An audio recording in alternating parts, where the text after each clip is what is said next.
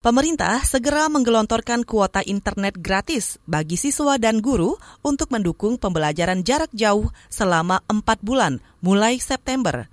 Namun, peluncuran program ini diikuti tanda tanya soal nasib siswa yang tinggal di daerah tanpa akses internet, gawai, bahkan listrik. Kebijakan tersebut dinilai diskriminatif dan tidak solutif. Simak laporan tim KBR yang dibacakan Astri Yuwanasari. Ya, salah satunya di antara yang sekolah Yoi, salah satunya ada yang punya Android. Nah, itu yang harus salah satu nah sekolah Yoi harus punya HP Android. Jadinya sama-sama yang kebutuhan belajar Yoi, HP siku Yoi lah. Itu sama-sama belajar sana. Itu tadi curahan hati Betulus, salah satu anak orang rimba, suku pedalaman di Jambi. Betulus berharap ada satu saja gawai tersedia agar ia dan teman-temannya bisa belajar daring bersama. Ia dan sekitar 10 anak rimba menempuh pendidikan formal di sekolah.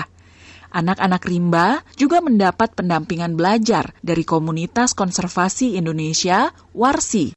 Kantor LSM ini kerap menjadi tempat mereka berkumpul dan belajar bersama. Menurut fasilitator Warsi Jauharul Maknun, Selama pandemi, sekolah di sana semestinya menerapkan pembelajaran jarak jauh. Namun, kebijakan itu sulit dilaksanakan karena belajar daring tak bisa berjalan. Jadi mereka di tempat mereka sekolah ini uh, mereka merekam apa himbauan pemerintah itu yang belajar dari rumah. Nah selama corona ini mereka itu kayak dibagi per kelas datang datang ke sekolah cuma berapa jam ambil tugas nanti dijelaskan sama gurunya setelah itu pulang terus nanti dikerjain di rumah. Menurut Jauhar, wilayah Sarolangun Jambi memang belum terhubung dengan akses internet.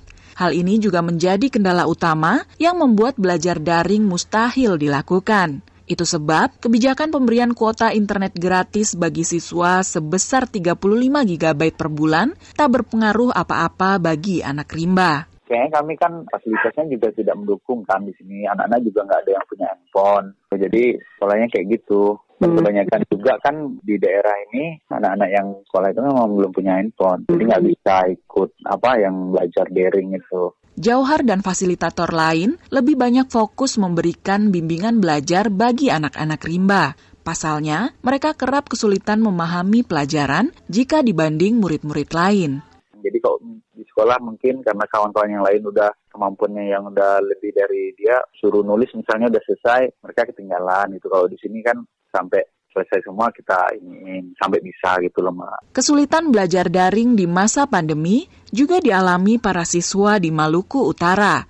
Salah seorang wali murid di kota Ternate, Asgar Saleh mengatakan akses internet belum merata di daerahnya. Selain itu, baru sebagian siswa yang memiliki gawai. Karenanya, kebijakan subsidi kuota tak bakal banyak membantu. Kebijakan yang dikeluarkan itu kan dilihat dari sudut pandang Jakarta. Di daerah uh, Maluku Utara, jangankan yang kabupaten kota yang jauh ya, seperti Sula, ada beberapa kabupaten kota Halmahera Timur yang memang sebagian besarnya blank spot dan sebagainya. Uh, di Ternate sendiri saja yang uh, kota itu ada beberapa kecamatan yang memang tidak punya jaringan internet dan problem yang saya hadapi, saya kira ini mewakili orang tua juga secara keseluruhan. Ada teman-teman kita orang tua yang tidak punya kemampuan untuk membeli uh, eh, HP yang mahal yang bisa uh, punya akses internet, kemudian kemampuan untuk membeli pulsa. Sekolah di Ternate akhirnya tetap memperlakukan pembelajaran jarak jauh dengan metode hibrid yakni melalui daring dan kunjungan guru ke rumah-rumah siswa. Jadi ada belajar jarak jauh uh, melalui daring, ada juga yang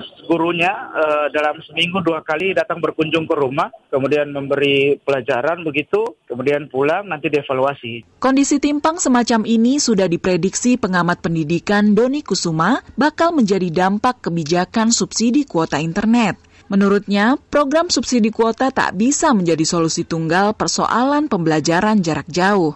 Program ini hanya bisa meringankan beban orang tua yang anaknya memiliki gawai dan akses internet. Di Indonesia masih banyak anak yang tidak memiliki akses terhadap gawai. Jadi subsidi pulsa atau kuota ini akan memberikan dampak diskriminasi pada mereka yang selama ini tidak memiliki jaringan. Doni menyebut Pemerintah semestinya mengalokasikan anggaran khusus bagi daerah yang tidak memiliki jaringan internet, juga bagi siswa yang tidak punya gawai. Pemerintah harus mematangkan pula mekanisme pembelajaran jarak jauh sesuai kondisi tiap daerah. Kementerian Pendidikan dan Kebudayaan harus memetakan siapa yang memiliki akses, siapa yang tidak, dan bagaimana untuk mengurangi kehilangan atau jurang pengalaman belajar. Karena kalau seperti ini nanti hanya mereka yang memiliki KW, artinya mereka yang memiliki ekonomi tinggi saja yang sudah terbantu. Sementara itu mereka yang terpinggirkan jauh itu mereka tidak akan terbantu. Jadi ada gap-nya akan semakin besar. Demikian laporan tim KBR, saya Astri Yuwanasari.